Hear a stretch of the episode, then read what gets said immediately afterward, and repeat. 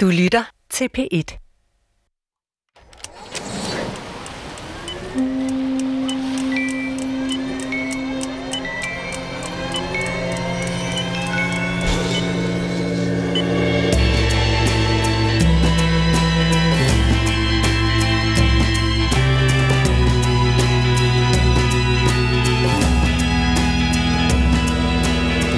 Kender du det, at man bliver så forelsket, at man føler en slags sus, som om man er midt i et frit fald igennem luften i det tomme rum? Jo, forelskelse og kærlighed kan være svimlende, og det er den så sandelig også i dagens radiofortælling. Den handler om Marie, lægestuderende i Aarhus, og Jakob, økonomistuderende fra Oxford på Sabbat i København – begge i begyndelsen af 20'erne, som på rekordtid bliver voksne, takket være deres stærkt udfordrede forelskelse. Mere vil jeg ikke sige om den historie, vi nu skal høre, som er lavet af Rie Hededal Nielsen, med støtte fra Anders Morgenstjerne og produceret af undertegnet. Jeg hedder Torben Brandt. Hør her radiofortællingen Kærlighed og fald.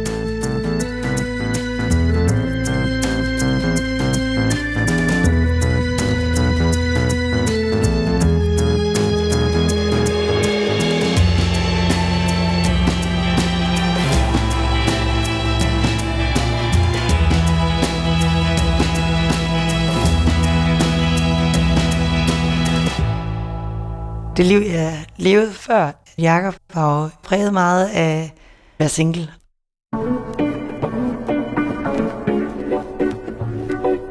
Jeg elsker at være single. Altså, jeg synes, det var så fedt at ikke have nogen forpligtelse over for nogen, og jeg kunne køre mit eget show, og bruge rigtig meget tid med mine venner og min familie, og jeg skulle ikke passe det ind med andre. Altså, være rigtig meget til fredagsbar, og drikke meget, og så læse meget, og gå meget, rigtig meget i byen. Altså, det var det, jeg sådan brugte min tid mest på. Fredagsbarnet på medicin er, er super sjov. Man har bare behov for at give den gas efter en travl uge. Og så er der bare et helt vildt øh, festmiljø på medicin egentlig. Og øh, Første gang, jeg mødte Jakob var på medicinsk fredagsbar. Aften er jo lidt sløret, men øh, på en eller anden måde kommer Jakob og jeg så til at danse. Øh, og så er det, at han så kysser mig på et tidspunkt. Og så øh, er en af mine kammerater, han kommer, han er bare mega fuld, og stiller mig ud og ryger med ham så øh, ser jeg Jakob og tænker, okay, Jakob skal ikke bare tro, at jeg nu står med en anden fyr. Øh, så jeg går over til Jakob og giver ham mit nummer. Og øh, jeg går så ud for at tisse, og da jeg så kom ud på toilettet, så har jeg allerede fået en besked fra Jakob, hvor der står, hallo i går.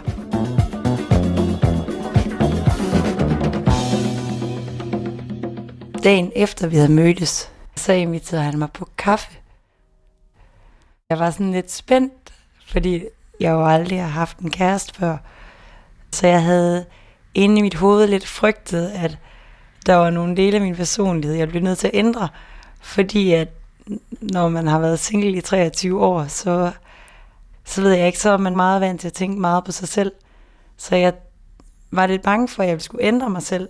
Også fordi jeg er typen, der giver body tequila og lapdance ind i byen uden at jeg har lagt noget i det.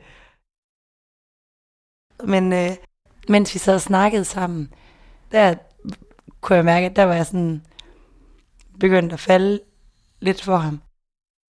Det var en blanding af den varme, han udstrålede, og hans direkte fasong, og hans humor, og så nok også, at han jo var et meget spændende menneske, og meget intelligent, kunne man også høre, når man talte sammen med ham.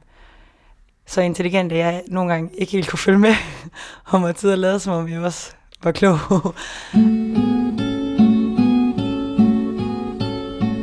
Men det viste sig at jeg ikke skulle ændre noget som helst ved mig selv. Så jeg formåede at beholde alt det, jeg havde, og så få Jakob oveni, som var helt fantastisk. Jakob er min gode ven, som jeg boede sammen med på Vesterbro. Jeg husker sådan tydeligt, hvordan jeg mødte Marie første gang. Det var en gang, hvor hun var i lejligheden sammen med Jakob, og jeg kom hjem. Jamen, øh, vi havde været i byen, vi købte bøger, og så øh, sidder vi og spiser, og jeg siger, jeg elsker bøger. og så siger Jakob, jeg elsker dig. og så siger han, fuck, det sagde jeg bare ikke i en brænder og så sagde jeg, jeg elsker også dig. så, ja. Og så kommer jeg ind og hilser på Marie, og så er det som om, at hun bare har været der hele tiden. Altså, at, at det var som om, hun boede der. Så jeg var bare ovenud lykkelig. Altså, når jeg tænker tilbage på den vinter og det forår, så var det helt fantastisk. Det virkede bare som to brækker, der passede ret godt sammen. Bare den måde, de var sammen på, egentlig. Det der, det giver virkelig god mening.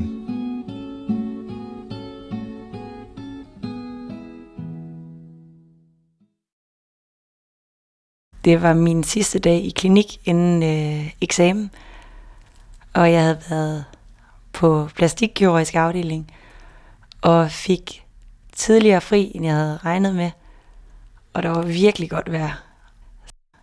Så i et kort øjeblik, der overvejede jeg, om jeg skulle tage toget til København og mødes med Jakob til Distortion. Men fik jo skubbet den tanke væk, fordi jeg jo godt vidste, at jeg skulle til eksamen om tirsdagen. Så det var nok ikke skidesmart. Så i stedet for, så tog jeg hjem og begyndte at læse til eksamen.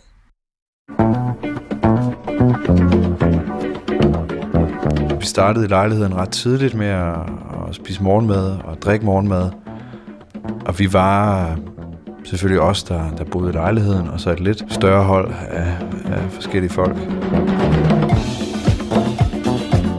Og der var allerede sådan fra morgenstunden ret god stemning. Altså, det var sådan næsten sådan festivalstemning.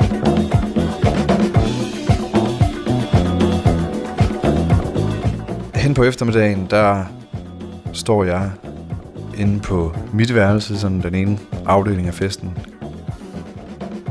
Der er vel 25-30 mennesker derinde. Det var det sted, man måtte ryge. Det var mit værelse. Så det var godt tilrådet. Der var rigtig god stemning og musik. Og, øh, Jakob han sidder over i den anden ende af lokalet med vinduerne, som vender ud mod Istegade. Øh, han sidder oppe i vinduet sammen med Frederikke, vores fælles veninde. Jeg har lige samlet guitar op, øh, og synes, jeg skulle spille smart og stå og spille på den.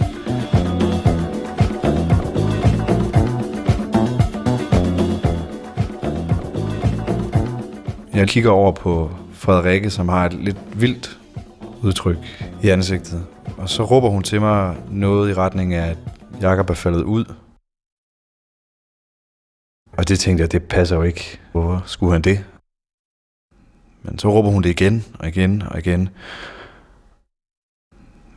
Og så kunne jeg jo ligesom godt også se på hende, at, at det var han faktisk. Jeg smider alt, øh, hvad jeg har i hænderne, og jeg flår døren op ud til gangen, og jeg flår døren op ud til sådan hovedgangen, og begynder at løbe ned ad trapperne. Vi kom ret hurtigt ned ad den trappe der, til trods for, at der var ret mange trin fra femte sal. Og så åbner jeg hoveddøren, hvor jeg ser Jakob ligge ude på vejen, sådan halv meter eller sådan noget fra kantstenen. Jeg sad og læste, da jeg fik et opkald fra Jakobs mor, som spurgte mig, om jeg havde hørt noget.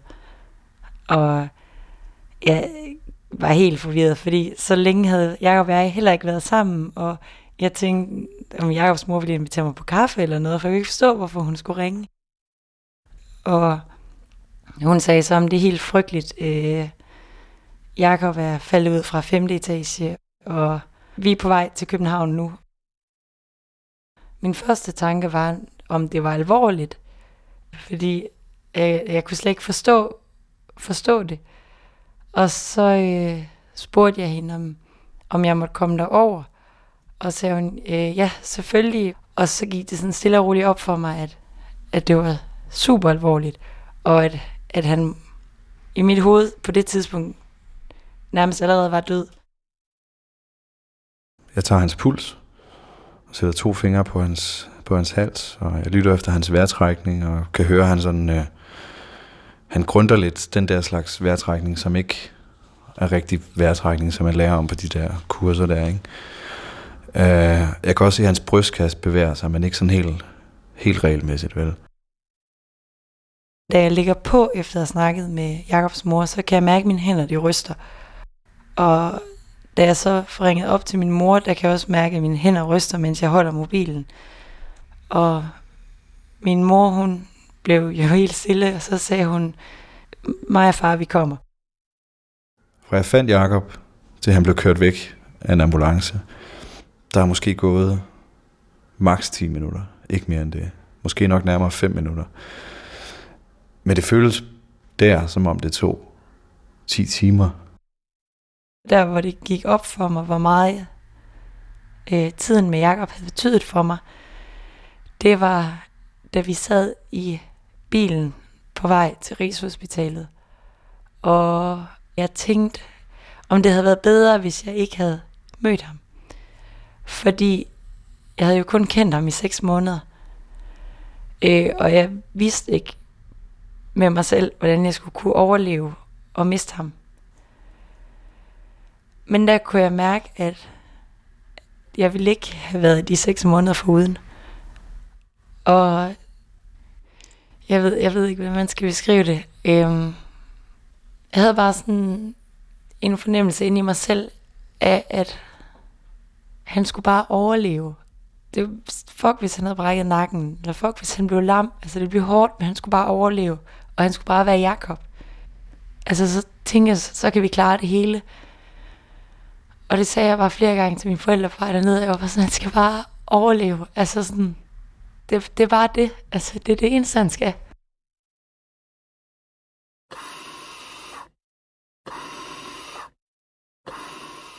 Der er sådan en øh, ret utrolig ro inde ved ham.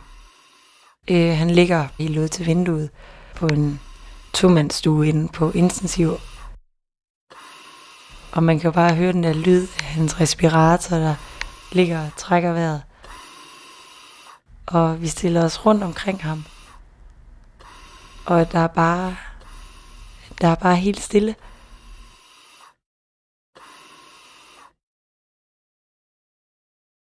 MR-scanningen bliver først lavet efter en uge eller sådan noget. Og så er der en læge, der trækker os ind i et samtalerum og siger til os, at øh, jamen, han kan jo se, hvor der sidder skader henne, men han kan ikke sige noget fra scanningen. Han kan ikke sige, om Jakob han kommer til at kunne gå ud af en seng, eller om han kommer til at kunne passe personlig hygiejne, eller om han kommer til at kunne læse en avis. Og især de to første ting, synes er, er for mig bare så, øh, så vigtige. Jeg bliver sådan egentlig super deprimeret efter den samtale med lægen, for man får sådan et blik af vores spild af liv, jeg synes, det ville være, hvis Jakob skulle ligge i en seng resten af sit liv. Jeg tænker, jamen, bliver det liv, vi får et liv, hvor Jakob han er på et eller andet hjem, og hvor jeg ikke kan finde ud af at give slip på ham.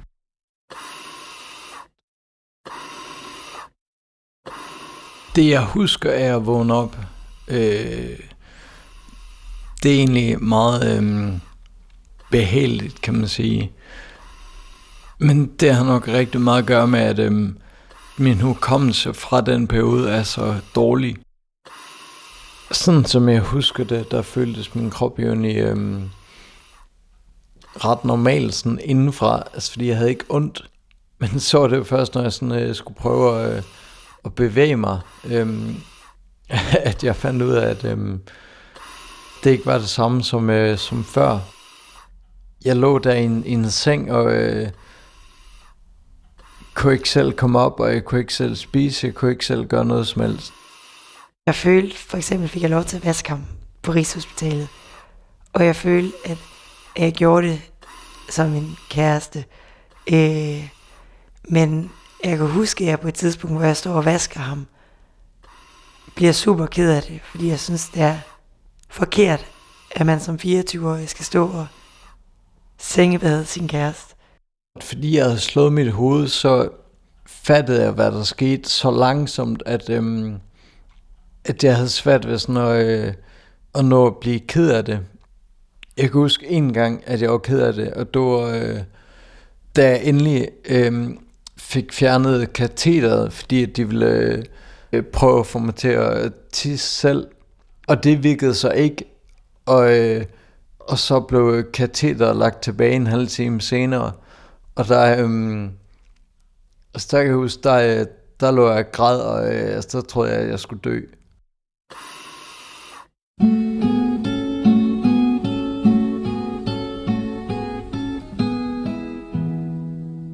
Tre dage efter måske, der begynder Jakob at tale, og han bliver undersøgt af en neurolog, som siger, at øh, ej, med alt det han kan nu, så kan I genkende ham om en måned. Og det er faktisk også efter den samtale, at jeg bliver helt sikker på, at Jakob stadig kan huske mig. Fordi at jeg jo i hele forløbet har lidt sådan en frygt for, om han har glemt de seks måneder, vi havde sammen. Og selv da han sådan vågner op og begynder at kalde mig Ia, som jo er mit kælenavn, så tænker jeg, jamen det har han jo hørt familien sige, så det er jo ikke ens betydende med, at han kan huske, hvem jeg er. Men ham neurologen spørger Jakob, hvem sidder derovre og peger over for mig? Og så siger Jakob, jamen det er min kæreste Marie Broberg. Og så blev jeg sådan, okay, han ved godt, hvem jeg er, han kan godt huske det. Og det var virkelig, øh, det var virkelig en stor lettelse.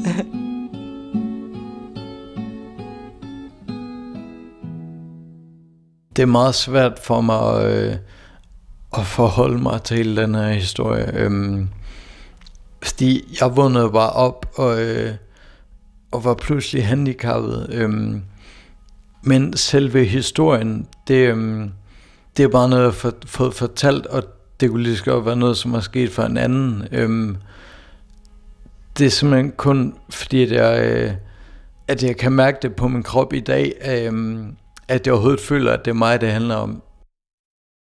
Det, jeg tror, der kan have sket, er, at han har fået en eller anden åndssvag idé om, at det var en god idé at stille sig ud på det afsats ude foran vinduet. Jeg ved det ikke, men jeg ved, at han ikke havde et ønske om at falde ud. Det havde han ikke. Han havde bare en dum idé.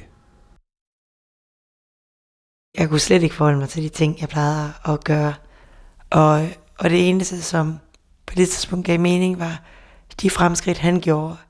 At han pludselig kunne gå, eller at han kunne svømme, eller at han klarede en test bedre. Øhm, det var alt det, som, som mit liv pludselig blev sat op på.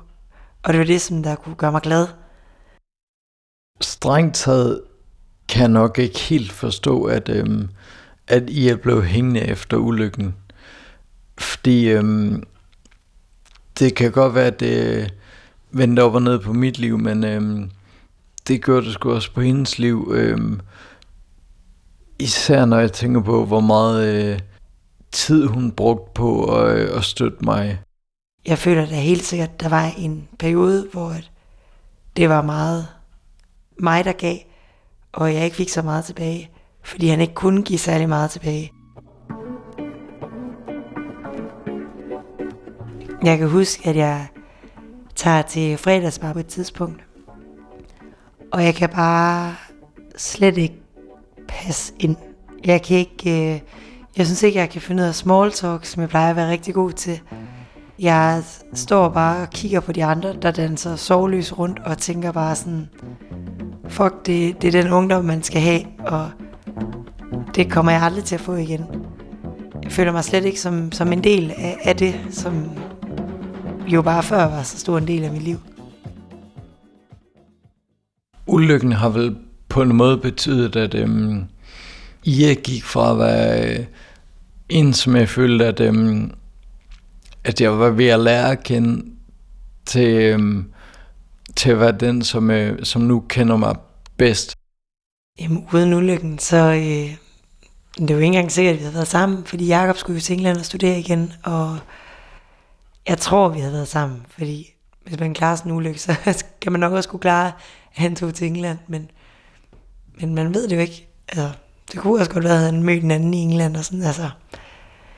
Så vi havde, havde helt sikkert ikke været så tætte.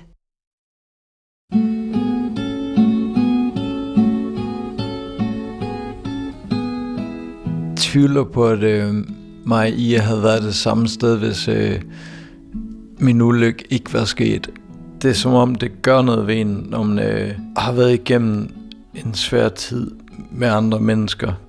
Det er jo nok den største forandring, at, øh, at vi bare er kommet øh, usandsynligt tæt på hinanden.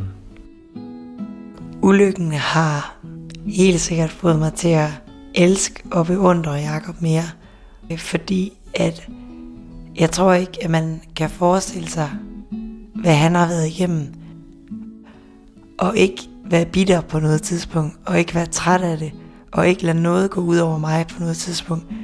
Altså i al den tid, hvor han har haft så mange kampe selv, har han bare været en enorm stor støtte for mig også.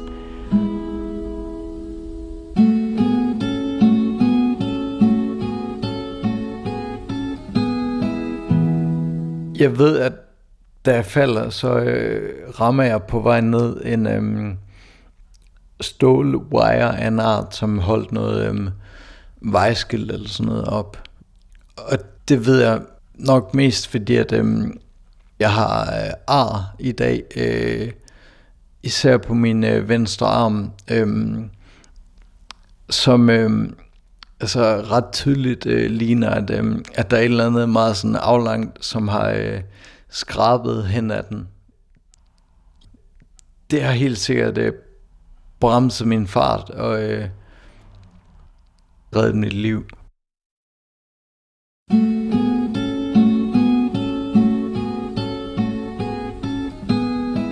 En øh, fredag, der øh, havde jeg en måned eller to før fået lov til at begynde at tage hjem og holde weekend. Og Den her fredag skulle vi så ud og fejre årsdag. Vi skulle ud og spise på Café Engelen, øh, hvor vi var sad vores første date. Helt konkret blev jeg meget bevidst om, at jeg ikke kunne gå på knæ længere. Så jeg gik hen til en øh, bagfra og øh, tog fat om hende og holdt øh, en ring frem.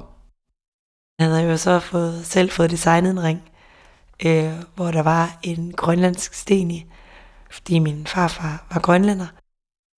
Og øh, på indersiden af ringen, der stod der så, øh, hallo ikke, fordi det var den øh, første sms, jeg sendte til hende. Så han, øh, han holder om mig og siger, jeg vil du gifte dig med mig?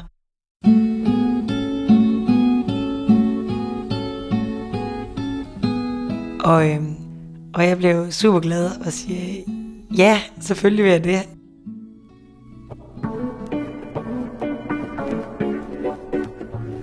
Det var det smukkeste bryllup, jeg nogensinde har været med til.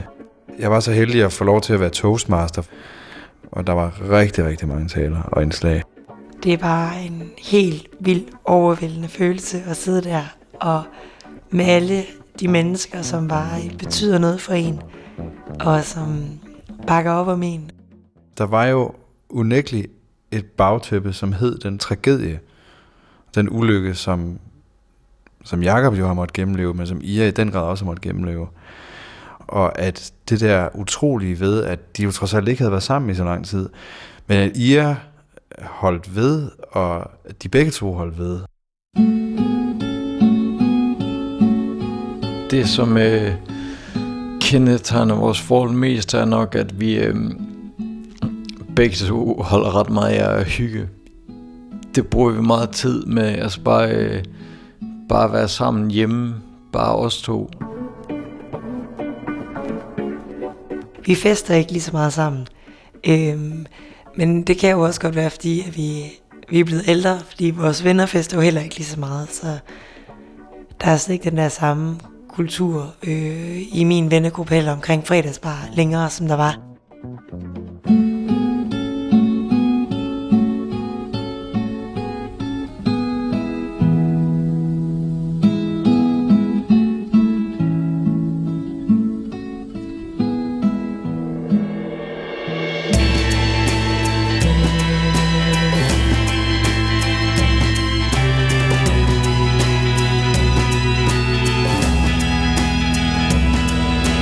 Ja, og de levede lykkeligt til deres dages ende, fristes man til at sige, efter at have hørt Marie Jakob og vennen Mikkel fortælle denne historie til Rie Hededal Nielsen, assisteret af Anders Morgenstjerne, og det var så undertegnet, der producerede Kærlighed og Fald.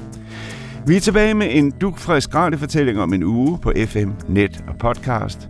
Og har du selv oplevet eller hørt om en fantastisk og tankevækkende historie, skal du ikke tøve med at skrive til radiofortællinger hvor æget i radiofortællinger staves AE. Og husk så, at der ligger masser af guld til ørerne i vores arkiv på dr.dk. Men det nemmeste er selvfølgelig at abonnere på vores podcast. Søg efter DR Radiofortællinger, så skulle den dukke op i din app. På genhør og tak for nu, siger Torben Brandt.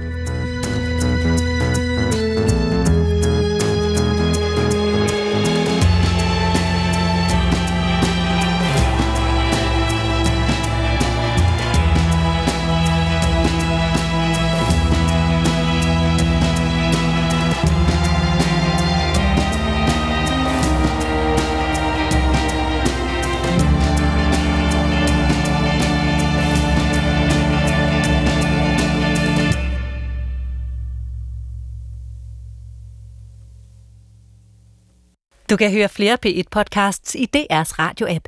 Det giver mening.